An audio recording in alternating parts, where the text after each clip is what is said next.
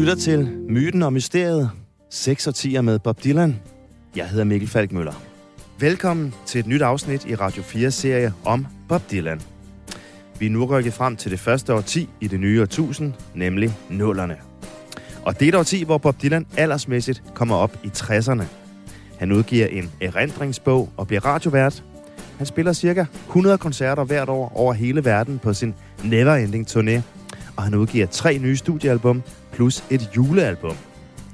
Med andre ord, endnu et særdeles aktivt årti for Bob Dylan. Og alle de her ting og mange andre skal vi gennemgå i de næste to afsnit af denne her serie. Og det vil jeg gøre i selskab med forfatter og kulturjournalist Danny Travn og musiker og kulturiværksætter Johannes Dybkjær Andersen. Og inden jeg byder velkommen til de to Bob Dylan-entusiaster, så lad os lytte til Bob Dylan, som han lød i 2000. Her er han med Things Have Changed.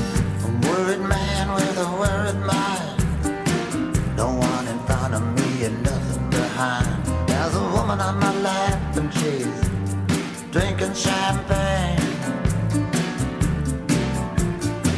Got white skin, got assassin's eyes.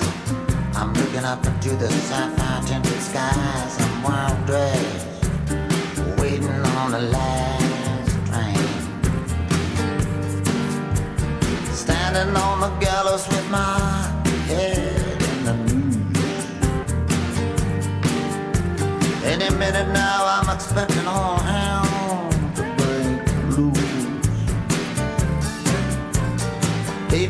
crazy times are strange. I'm locked in tight, I'm out of range. I used to care, but things have changed.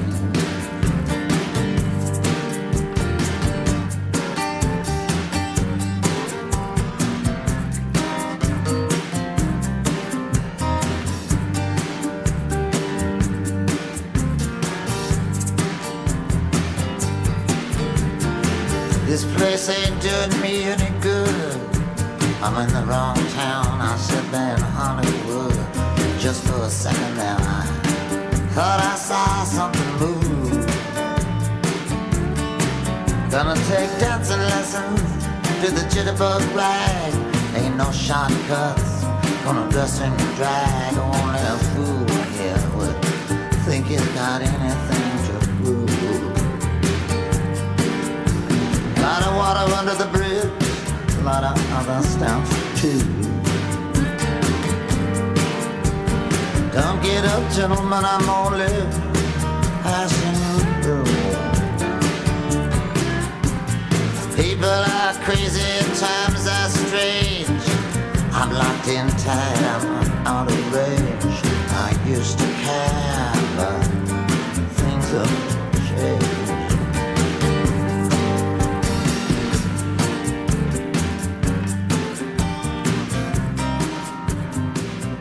Nu skal det handle om Bob Dylan i det første årti i det nye årtusind, nemlig nullerne.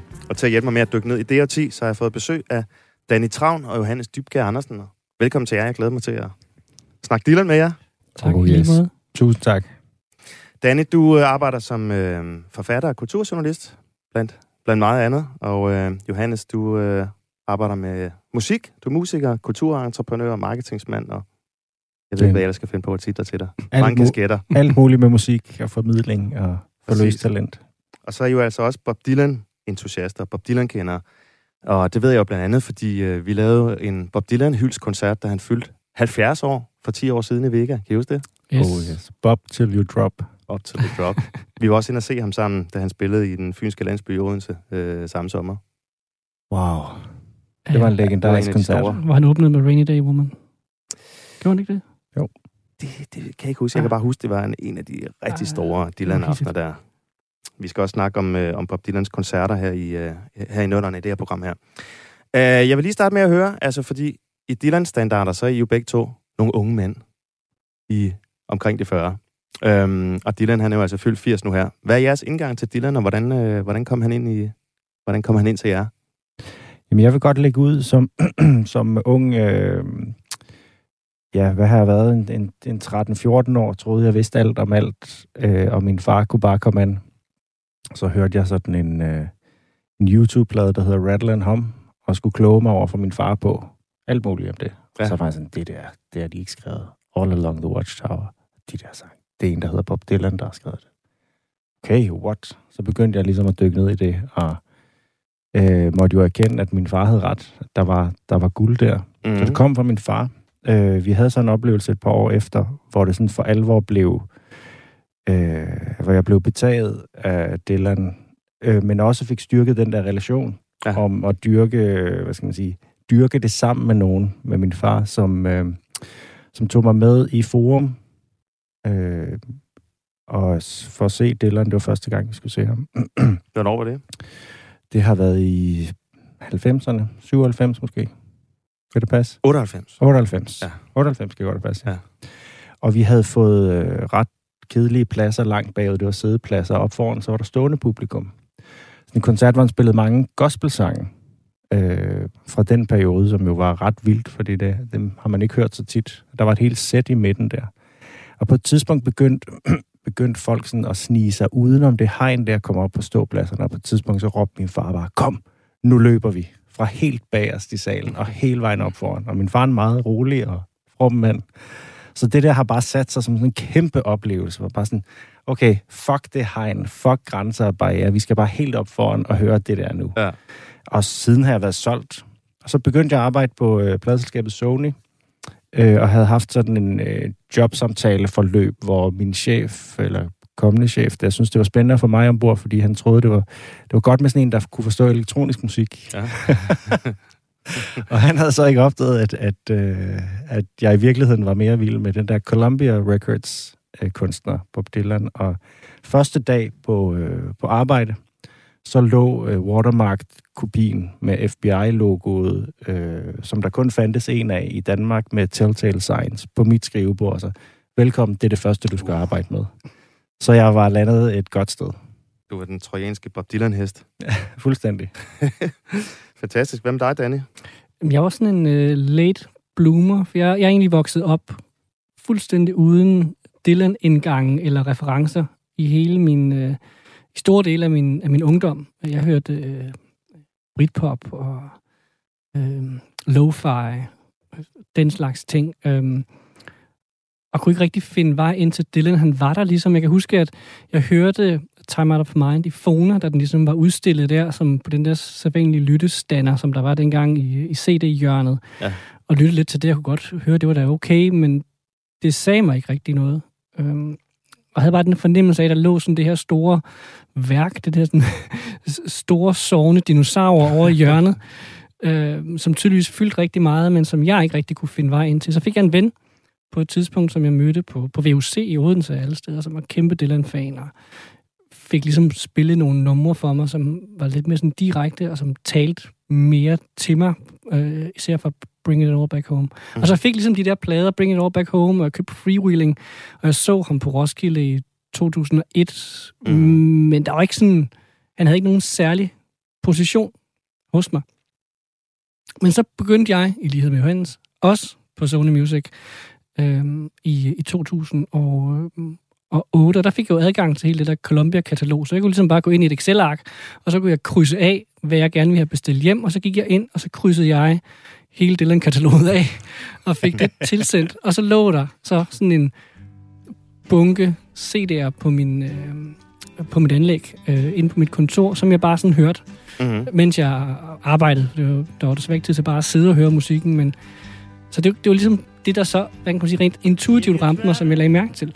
Og på et eller andet tidspunkt, så nåede jeg til Nashville Skyline, som jo aldrig, bortset fra øh, måske Lady Lady står, er en, der bliver fremhævet som en af de store Dylan-plader.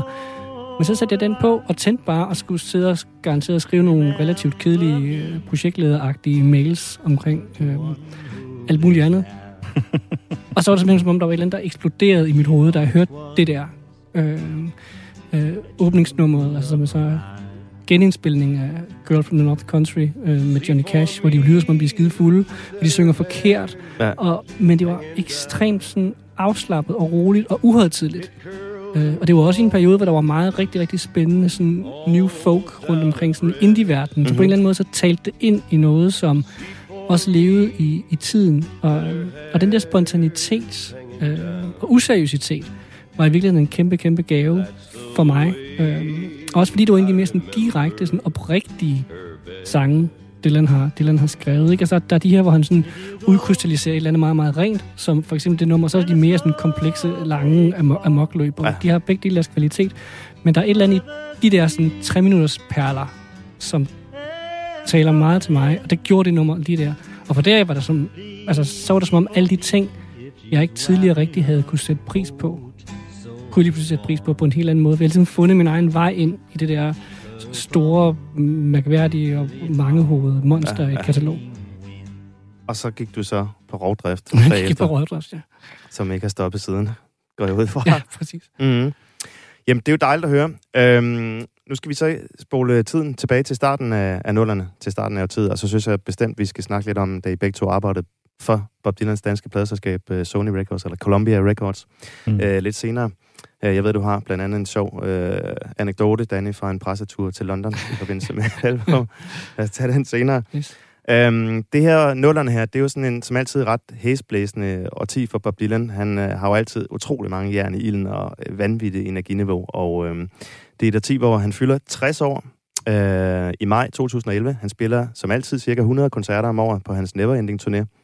Øh, alene i Danmark spiller han 10 koncerter, så det er cirka en om året.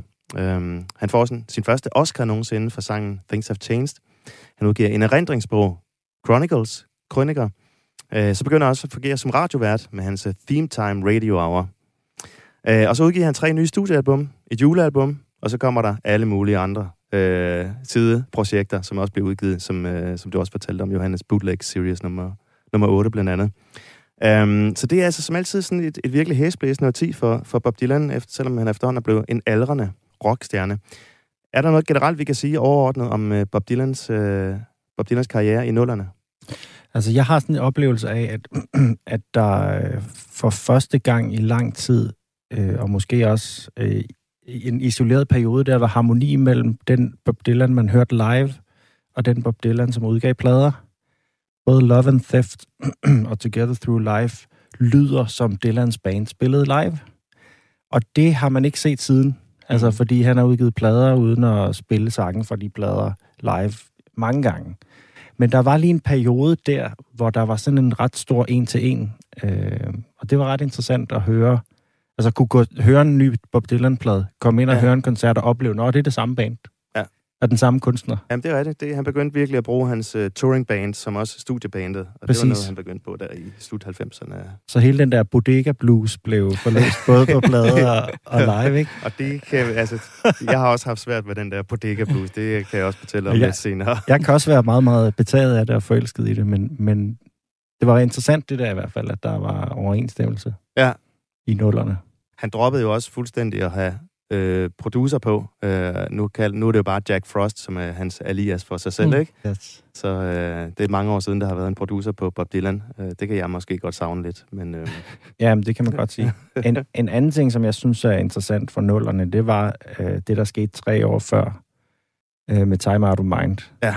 Altså, fordi det var ligesom om, at, at, øh, at det kickstartede et eller andet, som satte en Dylan-bølge i gang, som jeg tror, vi kan tale om i 20 podcast-episoder. mm-hmm. Men den plade er så stor for så mange nye mennesker, og så stor for så mange gamle Dylan-fans, så hele, altså på alle mulige ledere kanter blev man tunet ind på, hvem han er, og hvad han står for, og hvordan han fornyer sig. Og øh, jeg, jeg kan være enig med dig, Dan, i, at, at det, er, det er en af de største plader, han har lavet øh, i de sidste rigtig, rigtig, rigtig mange år. Mm. Men han har også bare ligesom skudt det hele i gang. Altså det nyeste ny- album. Nej, Time, Time Out of Mind. Mind. Altså, Mhm. mm. Og det nye er også øh, classic, men, men Time Out of Mind satte bare noget i gang, ja. som sådan, det lå hen over øh, de næste 10-20 år nærmest, som sådan, okay, Dylan er tilbage. Ja. Det startede med Time Out of Mind, så alt, der kommer efter, er ligesom sådan i kølvandet på, på en eller anden, øh, Ja. En eller anden måde. Ikke? Jamen, jeg, jeg er meget enig. Altså, det var jo virkelig sådan et, et comeback, og der fik han altså nye generationer ind, øh, som ikke var interesseret i Bob Dylan før. Præcis. Og det er jo også, altså det der med, øh, hvis vi sådan tager så, altså Time of Mine, så 2000, det er så, der er så gået tre år der, ikke? Øhm, måske min egen største oplevelse i nullerne med Bob Dylan, og også den første, det var da han spillede i Horsens, på Horsens Nye Teater i 2000. Wow, var Var, du jeg ved der? ikke, om I var der. Nej, desværre. Nej. Men øh, det var jeg. Tillykke med det, Mikkel. Ja, men det var heller ikke nemt, vil jeg sige, fordi altså, det var der, hvor folk de lå i kø i en uge ude foran for at købe øh, billetter. Og de kostede 1000 kroner, og det var altså virkelig dyrt der for, for 21 år siden. Øh, men det var jo så også så specielt, at der altså kun var øh, to, øh, 250 billetter i salg, øh, 500 øh, samlet derinde. Øh, så det var jo altså en, øh, ja, en fuldstændig mindblowing oplevelse at være så tæt på Bob Dylan. Jeg mener også, det var en af hans øh, mindste koncerter i rigtig, rigtig mange år. Øh, Mm. Jeg vil godt lige øh, spille et lille øh, klip fra, fra åbningsnummeret for den koncert, for ligesom at høre, hvordan Bob Dylan sådan lød i starten af årtiet live. På det tidspunkt, der havde han en rigtig fedt øh, backing band, hvor de sang vokalharmonier, og, øh, og det klædte ham rigtig godt, synes jeg. At det var desværre noget, han gik, han gik fra lidt senere. Men lad os lige, lad os lige prøve at høre her, Horsens øh, 2000, hvordan det lød. Good evening, ladies and gentlemen. Would you please welcome Columbia recording artist Bob Dylan?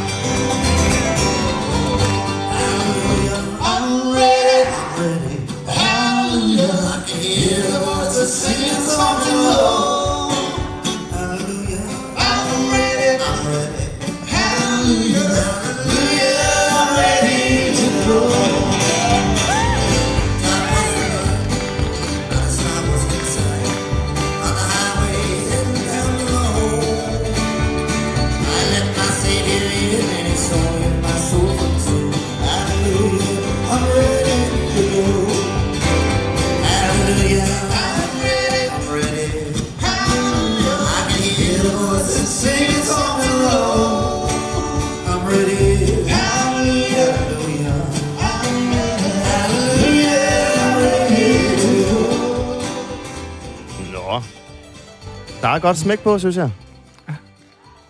Jeg sidder for kuldegysninger, mindes tilbage Ja, fra det, 21 år siden i Horsens. selvom det ikke er et genkendelsens øjeblik for mig, så får jeg altså også guldegysninger. og, og jeg synes både, at, at det, er, altså, det er sjovt med altså, et valg af åbningsnummer, ikke? Mm-hmm. Øh, og det er også noget, altså, jeg synes også, det, det er noget af det, der er interessant ved Dylan, at han tør berøre alle mulige emner. Og for mig synes jeg, det, det religiøse aspekt i hans sangskrivning altid har været pisse interessant. Ja. Der, der er få, der har gjort det så meget og så grundigt fra så mange vinkler. Både lagt afstand til det og gået fuldstændig ind i det og væk igen og ud og ind. Og, men det ligger der som sådan en... Altså, han har masser af referencer til alle mulige kulturelle begivenheder, øh, politiske begivenheder, samfundsmæssigt, alt muligt. Men også til religiøse, og det er mm. spændende, synes jeg.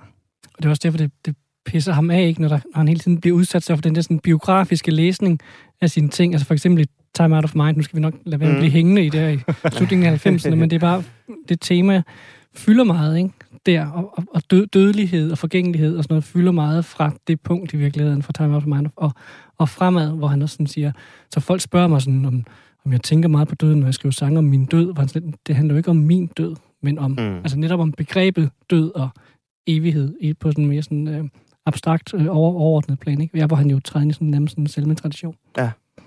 Det her, det var fra 2000. Øhm, så får han som sagt den her Oscar her med Things Have Changed. Øh, og der er jo også lidt en sjov historie med den, fordi den står jo altid øh, på en monitor, når han spiller live. Det ved jeg ikke, om I har lagt mærke til. Han Jo. har Mm. lidt Oscar. ja. Han var utrolig stolt. Jeg tror faktisk, det er den pris, han er blevet allermest stolt af. Han elsker jo gamle filmstjerner og gamle ja. Ja. film, Hollywood-film og så videre. Øhm, men det første nye album, som kommer øh, fra Bob Dylan i, de- i det nye øh, årti, øh, nullerne, det er jo så det her Love and Theft, som kommer i, i 2001. Øhm, det udkommer faktisk samme dag som øh, 9-11. Øh, og det er jo sådan en, hvad kan man sige, en vanvittig dag at, at udgive et album på. Det vidste man selvfølgelig ikke. Men det gjorde lidt, at det, det sådan forsvandt lidt i glemslen. Øhm, men det gjorde det så ikke senere hen, at det blev altså udråbt til at være øh, et, et mesterværk. Og det var også hans første nye album siden Time Out of Mind. Øh, der var gået fem år i mellemtiden. Hvis vi taler lidt om det album, øh, kan I huske, at det udkom, og, øh, og hvad er det for et album?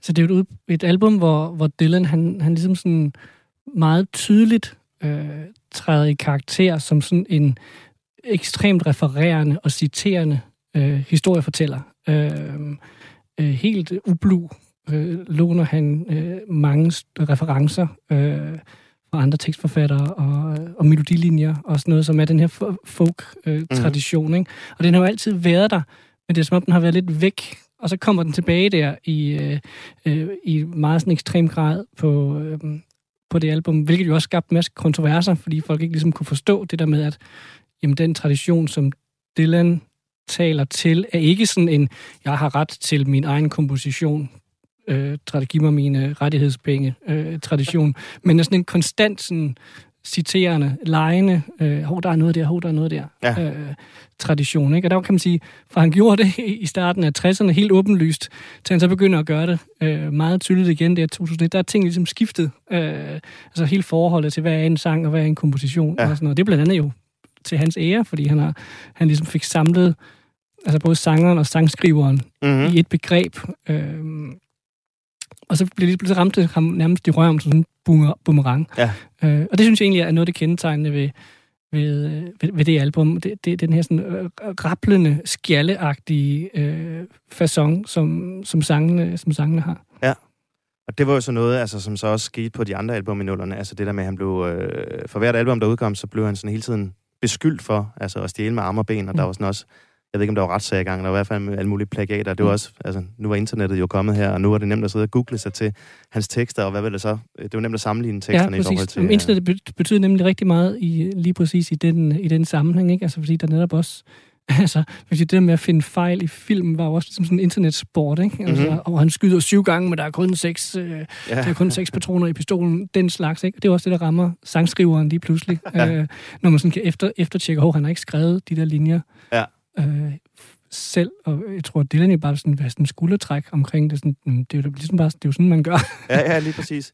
Men det var også fordi, det er netop, altså, øh, der er kæmpe forskel fra starten af karrieren til nu her, ikke? I hans sene karriere, altså nu er han jo selveste Bob Dylan, ikke? Altså alt, hvad han siger, det er jo nærmest stentavler, der Mm. kommer ned fra himlen, ikke? Øh, og, så, og så er det jo sådan lidt, øh, han kan jo ikke tillade sig, man mener jo ikke, at Bob Dylan kan tillade sig at plagiere nogen, fordi han er jo nærmest Gud, ikke? Mm. Og så når han bliver taget med bukserne nede, så er det nærmest et, et rammeskrig, ikke?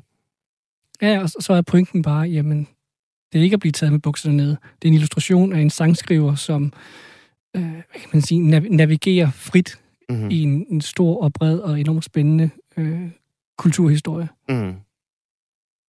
Lyden er jo også sådan lidt anderledes. Øh, lydbilledet og genren er også lidt anderledes på det her Love and Theft øh, album i forhold til, øh, til Time Out of Mind.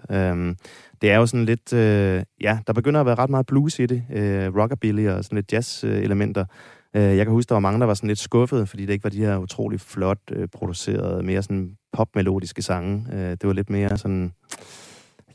Man skulle arbejde lidt med det, synes jeg. Det var sådan lidt mere et lyttealbum. Man fik ikke så meget serveret. Øh, Jeg kunne huske, min, øh, min kæreste på det tidspunkt, hun øh, brød sig i hvert fald ikke om det. Øh. Jeg synes, det var meget kedeligt og gammeldags og tørt. Og, Jeg havde, jeg havde samme oplevelse spontant øh, af at blive skuffet. Og det, var, det stod jo i lyset af Time Out of Mind. mm-hmm. Med det der sådan knasende lydbillede, som altså... Uanset hvor- hvordan eller hvornår man hørte det, så var der et eller andet i det, som var smukt eller spændende eller udfordrende. Og, og, og øh, Love and Theft virkede banalt, og virkede også fjollet med twi- Tweedle åbn, åbningsnummeret, som, som er spillet meget live, og ligesom virker som noget, han er vild med og virkelig stolt af. Tweedledum and Tweedledee. Throwing knives into the tree. Two big bags of dead man's bones. Got the noses to the grindstone.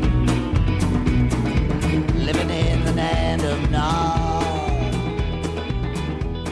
Og lægge ud med sådan en sang på den plade, der, er, der ikke er særlig nuanceret, eller ikke har som... Øh, det kan jeg huske, det var sådan, åh, oh, okay, jeg troede lige. Ja. Og så har den vokset på mig siden. Ja. Og, og jo især vokset, fordi det, at, at det er en af de plader, vi faktisk har fået lov til at høre live øh, udgaver af sangene fra. Mm-hmm. Og, det, og det er jo også sjældent med ny, nye Dylan-sang, eller relativt nye Dylan-sang, at man faktisk får lov til at høre dem live. Ikke? Og lige fra den plade, synes jeg, han har spillet meget live. Ja. Og det, det gør jo, at den plade vokser på en eller anden måde. Ikke? Jo. Øh, men den, den står lidt sjovt ud imellem øh, Time Out of Mind og Modern Times, Mhm. Mm-hmm. som en lidt mere spontan plade, eller en mere fri plade, lidt mere hyggelig plade, mm-hmm. på en eller anden måde. Mm-hmm. Det ligger Øh. også nærmest i titlen, ikke? Altså det, du siger, og det, jeg sagde før, i forhold til det, det, det rablende, ikke? Altså love and theft, ikke? Det, det er kærlighed, det er tyveri. Altså det er sådan... Han, det, det er, det, der er måske virkelig ja, noget, noget, noget fjollet og en lille smule useriøst. Ja. Og det er også dejligt. Altså, der er et eller andet fedt over, at det bare, det er bare musik. Ja. Altså, ikke så meget pis. Ja. Vi hygger, og vi jammer, og, det, og vi trykkede på record, og så kom der den her plade. Mm. Det er lidt den følelse, man får, hvor, øh, hvor der også er mange af de nyere Dylan-plader, som er meget tænkte. Mhm. Mm-hmm. Altså, både lige før og lige efter, ikke med Modern Time og Time Out of Mind. Altså, den virker som store konceptalbums med en tanke om lyden og lydbilledet. Og, øh, så der er noget frit over det, som mm-hmm. Mhm. er herligt. Og lidt kedeligt nogle gange. øhm, Danny, du sagde, at din første koncert med Bob Dylan, det var der på Roskilde i 2001. Det var så øh, samme år, som Love and Theft udkom. Ja. Øh, og så spillede han også i, i Forum i 2002. Øh, der var jeg i hvert fald inde. Øh, det kan også være, du var, Det var Johannes også, der. Og måske også dig, Danny. Niks. Okay. Men, men, øh, men i hvert fald, der fik man i hvert fald, øh, ja, jeg ret mange af de nye sange her.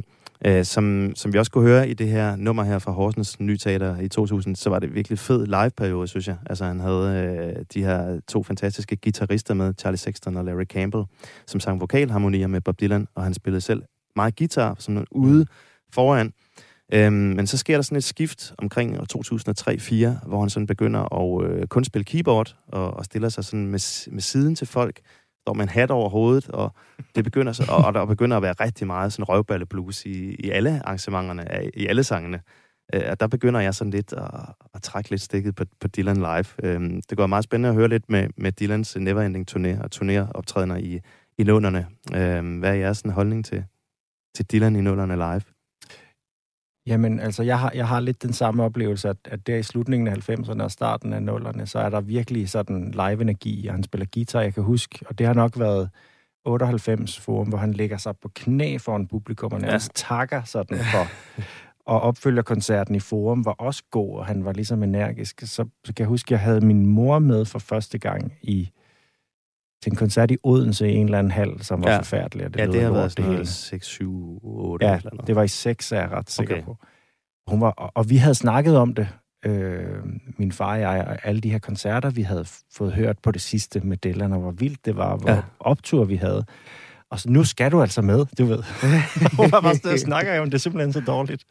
og, og, og jeg måtte give hende lidt ret, fordi øh, jeg havde også den der sådan følelse af, nå okay, nu har det lukket sig om sig selv.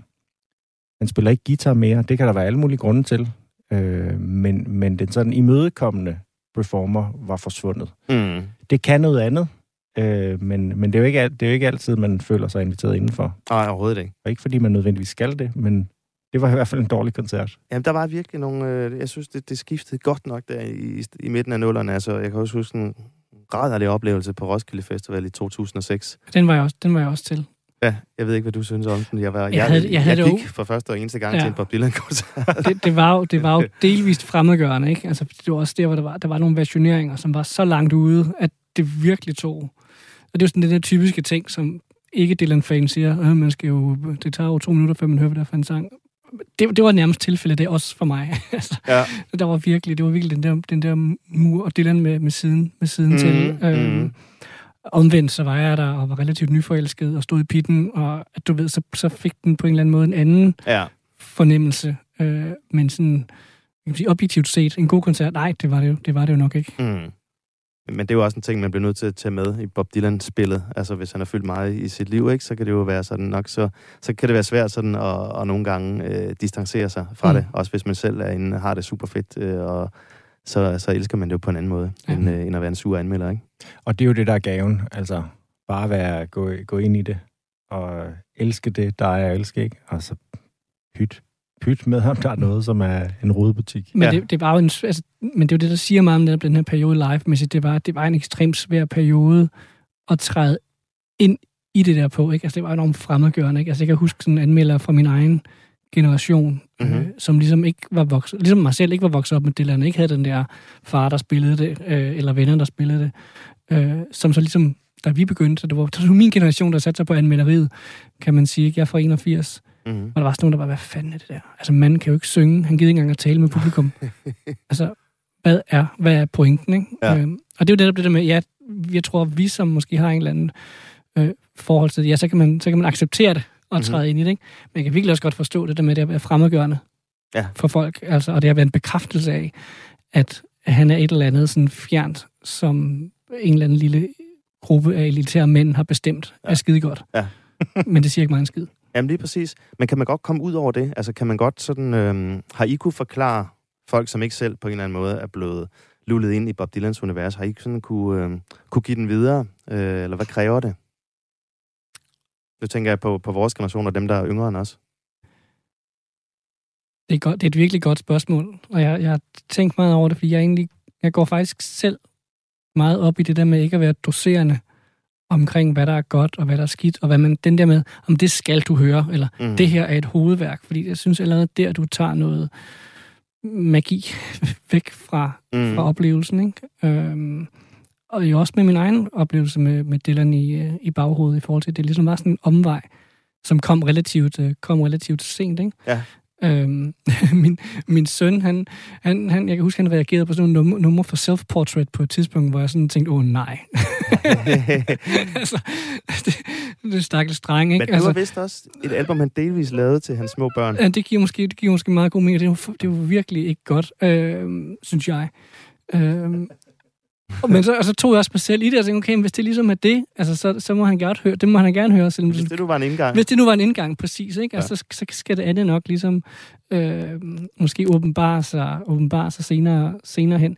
Så nej, jeg kan faktisk jeg kan sige, at jeg har ikke, jeg tror ikke, det lykkes mig sådan at oversætte det for yngre. Jeg går og spiller, øh, jeg går og spiller ukulele derhjemme, mm-hmm. øh, hvor jeg spiller Knocking on Heaven's Door. Sådan. Ja. så det tænker jeg, det er sådan min indirekte måde at få det oversat til nogle yngre generationer på. Ja. Men ellers så tror jeg, det er, det er svært, at de simpelthen skal finde det selv.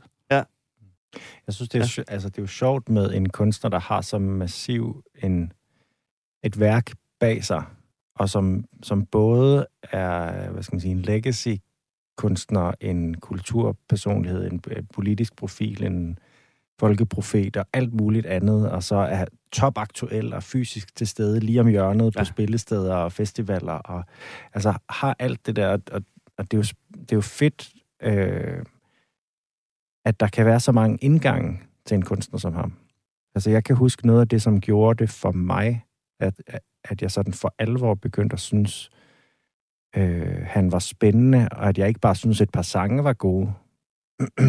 det var den der øh, forståelse af, hvad det har betydet.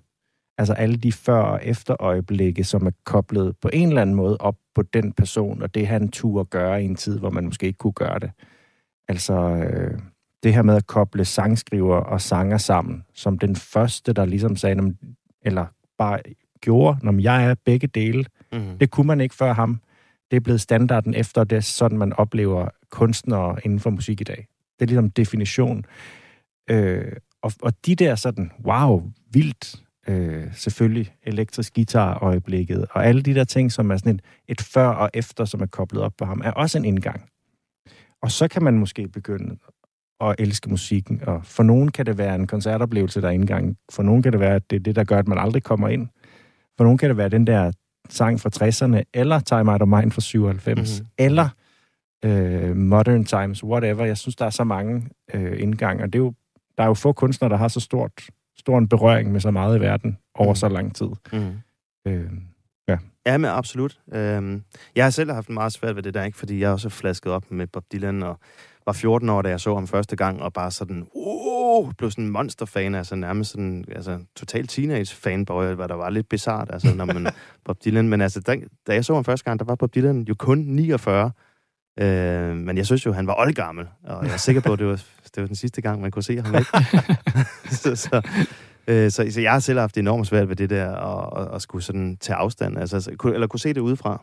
Ja. Så, øhm, så det er meget spændende at høre med dig, Danny, altså, som, som sådan selv sådan har skulle, skulle dyrke det, og du Mm. så er blevet så passioneret, uden at du sådan ligesom, øh, der er nogen, der har hældt Bob Dylan ud over dig. Jamen, jeg har, jeg har et meget ambivalent forhold i virkeligheden til hele den der Dylan, Dylan-dyrkelse. Ja. I virkeligheden har jeg slet ikke lyst til at stå her. Nej, du gør det dog alligevel. Ja. Altså, som, og som, som en sådan generel ting, hvor, hvor jeg synes, vi skal være forsigtige med, hvad det er for nogle pedestaler, vi sætter kunstnere, kunstnere op på. Og det er virkelig Ja. for kunstneren og for kunstens egen skyld. Ikke? Altså, Mhm. mm-hmm. Man skal i hvert fald huske at gøre det, øh, gøre det med, med åbenhed og kvalitet, og, og uden at det skal være på betingelse af, at alt andet så er noget lort, som jeg også tror har været en del af øh, problemet med formi- formidlingen omkring Dylan. Det har ikke været hans egen skyld. Det har mere været dem, der har været ude og repræsentere ham, som har gjort ham en bjørnetjeneste Mm. ved at være enormt sådan, øh, dogmatiske øh, i, at det er det eneste rigtige, øh, der var at, at, at høre. Ikke? Jo. Og det, altså, det er jo lidt ligesom, hvis du har en teenage datter og sige, at du må ikke, øh, du må ikke date ham med læderjakken og motorcyklen. Altså, Ja. så er det det første, de gør. Det er jo, det er jo at gøre det, ikke? Hvis du siger, at Dylan er det eneste rigtige, så er det jo klart, så vil alle andre høre noget andet. Ja. Øh, Men det, det, og det kan vi jo tale mere om med Modern Times, hvor jeg synes, den diskussion virkelig Ja, helt klart. eksploderer. Helt klart. Every step of the way, we walk the line. Your days are numbered, so am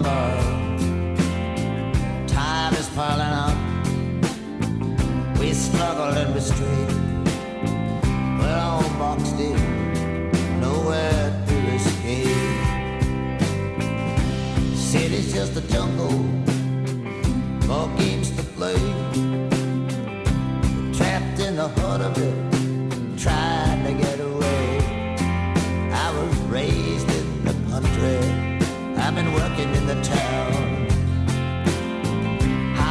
Trouble ever since I sent my suitcase down. Got nothing for you, I had nothing before. Don't even have anything for myself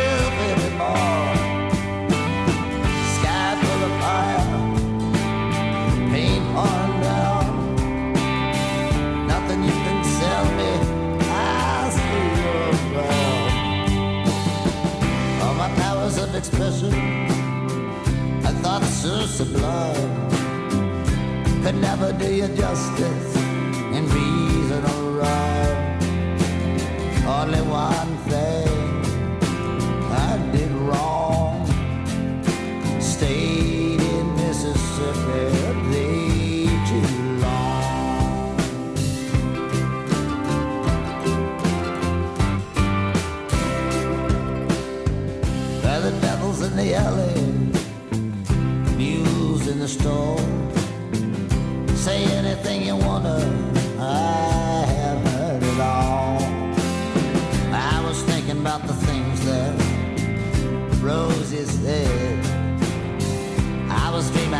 sleeping in Rose's bed. Walking through the leaves, falling from the trees, feeling like a stranger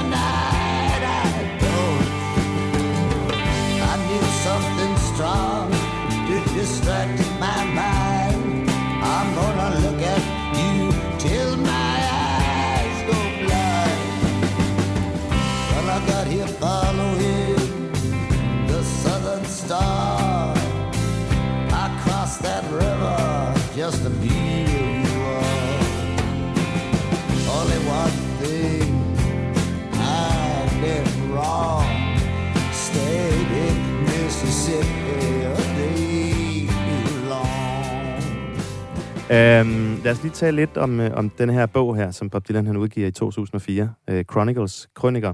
Det er jo hans første sådan øh, erindringsbog. Altså, der, er jo, altså, ja, der er jo kommet tusindvis af bøger om Bob Dylan. Han er nok den kunstner og artist, som der er skrevet mest om. Altså, det er jo helt vanvittigt. Mm. Øh, men her der udgiver han simpelthen øh, selvskrevne øh, noveller, kan man godt kalde det. Eller i hvert fald sådan, han, han tager nogle øh, nedslag i hans liv og karriere, øh, og så udgiver det som, øh, som en bog. Og meningen var så, at der skulle udkomme, øh, jeg tror, var det seks eller et eller andet, han snakker om på et tidspunkt. Der er altså aldrig kommet noget siden. så der er kommet det her ene værk, der hedder Volume 1. Ja. Øh, hvad, er det for, hvad er det for nogle historier? Hvad er det, hvad er det for en bog? Altså, jeg ved ikke, om der har... Altså, jeg, jeg husker at jeg læste den, jeg læste den af en eller anden grund på dansk. Jeg tror, Ja, det jeg fik den det gjorde jeg også. Den Jeg blev fik hurtigt den over- gratis, oversat. ja. Jeg fik et eller andet eksemplar. Øhm, og det er jo sjovt, når jeg selv ligesom beskæftiger mig rigtig meget med det der med øh, folks virkelige fortællinger og biografisgenren øh, og sådan noget. Den, den står ikke sådan så tydeligt for mig. Jeg kan huske, at, og det var også det, som var diskussionen dengang, at den var sådan, det var sådan en spøjs prioritering. For det, jeg mener, det Desire-albummet og processen omkring det fylder enormt meget i det. Du må rette mig, hvis jeg tager fejl, Mikkel, men jeg har en eller anden idé om, at det i hvert fald sådan, øh, har, er der ret meget øh, omkring det der, altså de der spring, der ligesom, der ligesom er. Ikke? Selvfølgelig er der noget Greenwich Village og, og, Ja, det er der, og, det er der og, rigtig meget om og det der. i det Men formative du år. ved, så er der, der er også det der spring frem til, til midten, midten af 70'erne, så den sådan, øh, på den måde er det jo også sådan et eksempel på øh, en kunstner, som ikke sådan tager den slagende vej, og ligesom bare siger, nu fortæller jeg, så blev jeg født i den her by, og så gjorde jeg sådan mm. og sådan, men ligesom øh, åbner ideen om, hvordan en øh, historie hænger sammen. Altså trækker nogle andre linjer, kan man sige, i sin egen, i sin egen historie, sådan på tværs af tid, øh, i forhold til, hvad den sådan mere traditionelle kronikør Mm-hmm. ville, ville have gjort. Hvor vellykket det er, det er så et andet, det er så et andet Mhm, mm-hmm, spørgsmål, mhm. mm-hmm. men det var i hvert fald, jeg synes, at det som, som greb var meget tro over for, hvem han, hvem han er og hvad han står for.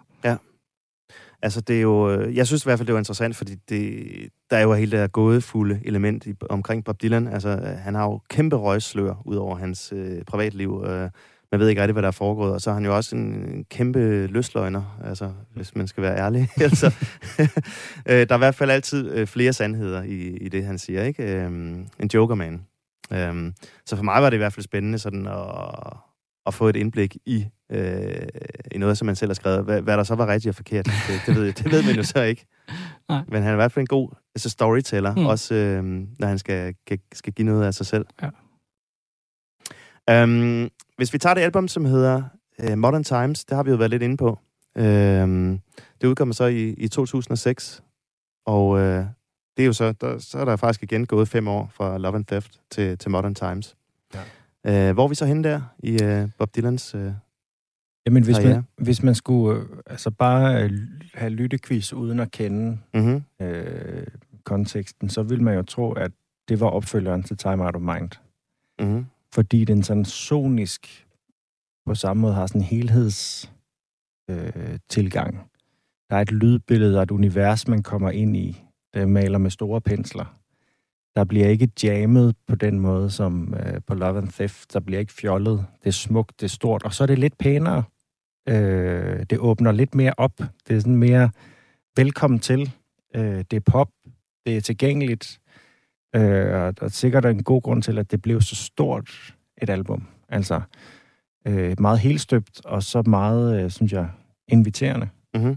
Øh, meget smukt album. Ja, er du også... Øh...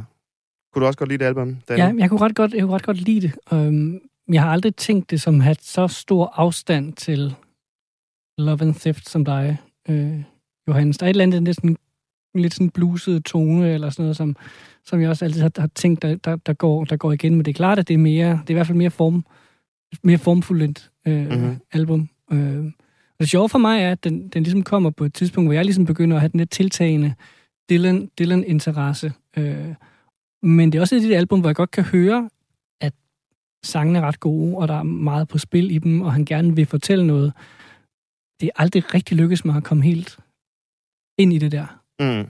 Øhm, modsat andre. Også, også senere albums. Jeg, jeg er enig med Johannes i, at det, det seneste album er et af hans øh, helt, helt store Mm-hmm. albums. Øh, hvor, hvor Modern Times jo ofte er det, som man betragter som, altså efter, efter Time of Mind, som det store album, eller det store Ja, ja, nulleralbum, eller det store album sådan på den her side over tusindskiftet. Så jeg, jeg, der, der står jeg er meget sådan pragmatisk på det, men jeg kan godt forstå, folk synes det. Jeg synes det ikke selv. Øh, Nej, altså, jeg synes også... Øh, det efterlader mig lidt koldt på en eller anden Ja, måde. samme her. Jeg har, altså, har lige lyttet til det igen. Altså, det keder mig altså lidt, og det, det er noget at gøre med, med det der blues der, øh, de der blues-arrangementer der. Altså, Ja, men det, øh, Men der er også det der, at, at, at den der, altså, og jeg kan godt være enig, og, jeg, og- og når jeg mener, der er sammenhæng, så er det fordi, det, det virker som et helt støbt tænkt album, ligesom Time Out of Mind, hvor Love and Theft får lov til at stride i alle mulige retninger. Ikke? Men jeg synes også, det kan blive glat. Altså, så det kedelige element ligger i, det er lidt safe. Altså, det, det virker som sådan et strategisk øh, greb. Nu skal vi lave en, mm, en plade, der bliver bred. Så mange er inviteret indenfor, og det er jo dejligt. Men noget af det, jeg, jeg har haft optur over, det er igen den her oplevelse af at høre sange på en plade, og så høre dem live. mm. Altså Spirit on the Water, som han har spillet tit live, og spillet godt live. Altså som har været sådan en, fuck man, fedt. Øh, og, det, og det er jo ikke hver hver anden sang til en live-koncert med Dylan, man har den der, ja. Og selvom sangen måske er lidt, øh, hvad skal man sige, uden modhager, når man hører den indspillet, så bliver den forløst vanvittigt godt live. Og det synes jeg, jeg har oplevet mange gange. Ja. Jeg har en ting mere omkring Modern Times, som jeg var lidt inde på før, øhm, som er det her med, jeg kan, jeg kan i virkeligheden mest huske Modern Times også øh, som sådan et symbolværk altså i forhold til, hvad man gjorde Dylan til. Mm-hmm. Altså den der oplevelse af, at nu var man kommet så langt ind i internetalderen, og der var kommet nye stemmer i debatten om, hvad kan man sige, kvalitet og kultur og, og, og sådan noget, hvor, hvor, hvor hele den der øh, Dylan-fans mod ikke-Dylan-fans krig, som stadigvæk raser, virkelig, virkelig tog fart. Altså, øhm, og hvor det album ligesom også blev en, en katalysator øh, for det. Øhm, og der var jo det her øh, smagsdommerne-program, hvor Christian Brød Thomsen og øh, Leonor Christine Skov ligesom var, var, head, var head to head som en Dylan-hader og en, og en Dylan-elsker. Og det, og det er sådan noget, jeg har det ikke virkelig, virkelig svært ved, fordi jeg synes, øh, det er, jeg er ret overbevist om, de begge to er ret begavede mennesker, men de kom simpelthen begge to til at se virkelig, virkelig dumme og ignorante og øh, snævert synede ud. Øh, og det synes jeg, at, at Dylan lidt er blevet sådan et offer i sådan en, i sådan en kamp omkring øh, repræsentation, altså, som han jo ikke kunstnerisk egentlig er en del af, fordi han er jo ikke sådan en, der, der går ud og siger, at vi skal spille færre kvindelige kunstnere, mm-hmm. eller vi skal... Øh, øh, det, det var en virkelig, virkelig mærkelig oplevelse af det der. Netop fordi, at øh, Leonor Christine Skov på den ene side repræsenterede en, som bare øh, slet ikke ville lytte til, hvad der eventuelt kunne være af kvaliteter, hvad han eventuelt har gjort for, for, for repræsentationen af alle mulige minoriteter Altså, hun i havde musik. bare afskrevet ham. Hun havde afskrevet ham ikke, og Christian Borg Thomsen omvendt slet ikke kunne acceptere, at der var en, der som hun skal gøre, stille kritiske spørgsmål til det her, til det her værk, som jeg sagtens kan forstå, at man gør som ung, øh, som, som ung, ung kvinde. Øh, det var totalt latterlige argumenter, ikke? hvor hun sagde på den ene side, øh, han, han refererer til Alicia Keys, ikke? Og det var Ja. det, jeg kom, jeg kom til at tænke på, det, Ja. du sagde det der med stemmen, og man går ind til en Dylan-koncert, skal man ikke regne med at høre en stemme, der er særlig pæn. Mhm. Og hun sagde, "Jamen, hvorfor får, hun, får han så ikke bare Alicia Keys til at synge den sang, han selv synger så dårligt, som er et åndssvagt argument, at det, det er en for- forfladelse af kulturanalyse, ikke? Og han omvendt slet ikke vil lytte til, altså han var sådan en, hvis du ikke forstår det, så forstår du det ikke, som er om muligt næsten endnu endnu ringere og, og, og sådan, altså bare sådan tjusket intellektuelt. Ikke?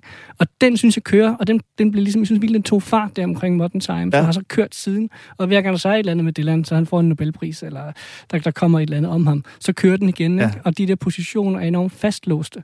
Jamen, det var for Øh, nylig også, at han fyldte øh, 80. Altså, ja.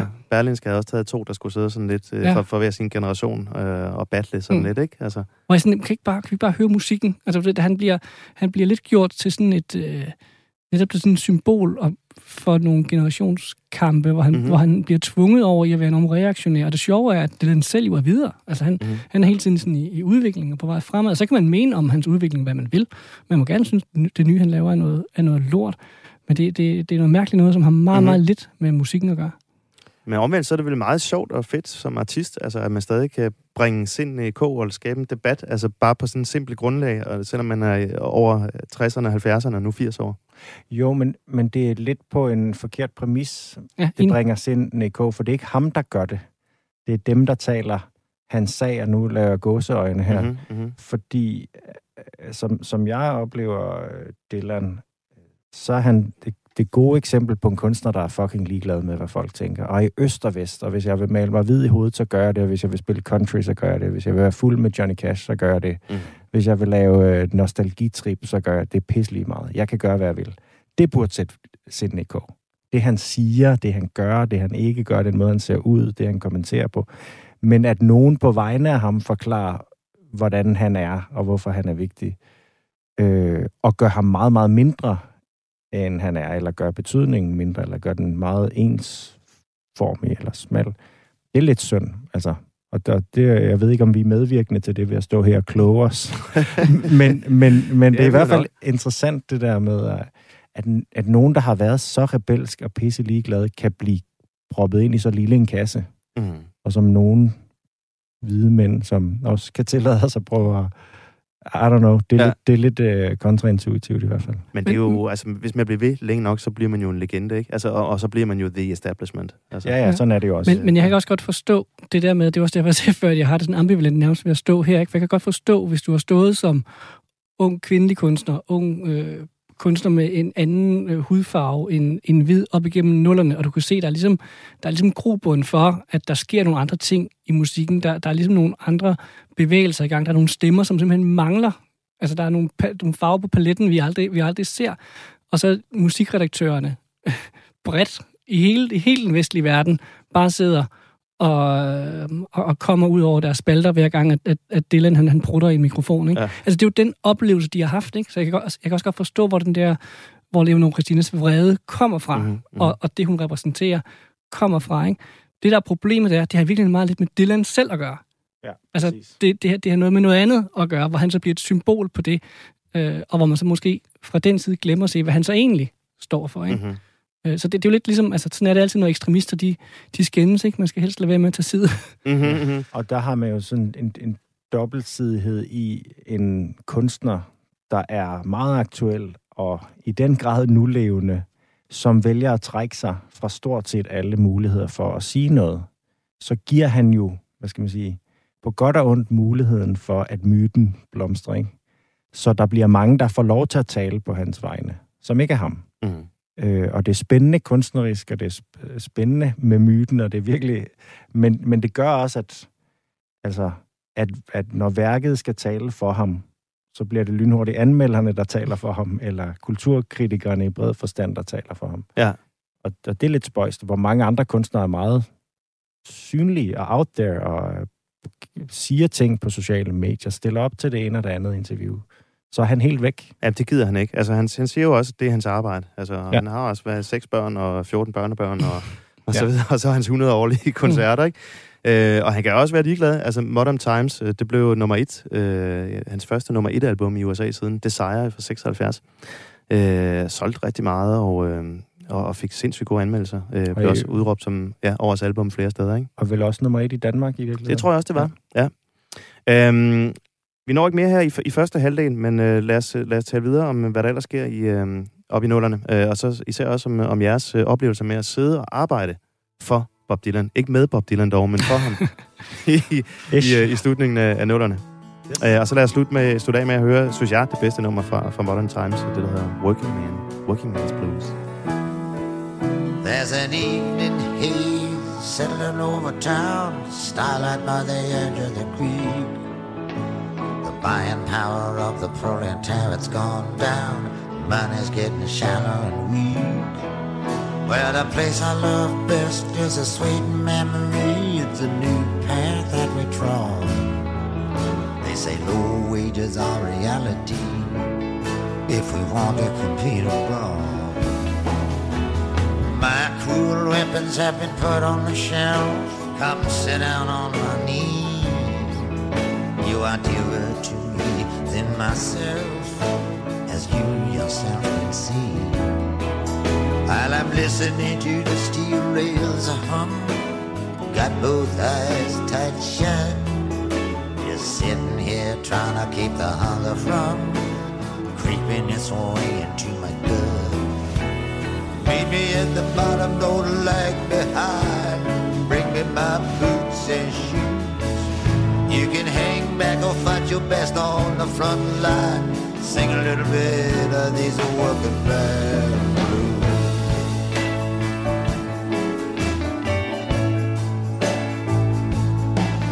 Well, I'm sailing on back, ready for the long haul. Tossed by the winds and the seas. I'll drag 'em all down to hell and I'll stand 'em at the wall. I'll sell 'em to their enemies. I'm trying to feed my soul with thought. Gonna sleep off the rest of the day. Sometimes no one wants what you've got. Sometimes you can't give it away. Now the place is ringed with countless foes. Some of them deaf and dumb. No man,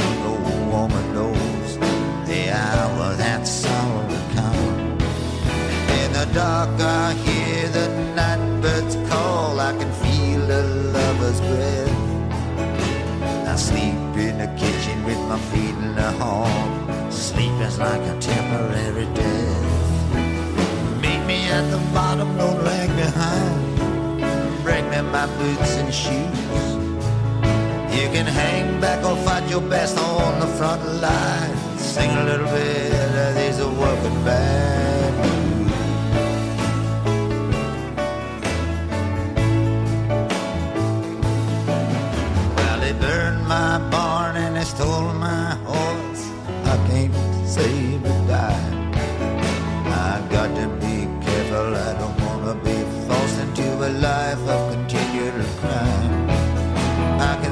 for myself that the sun is sinking.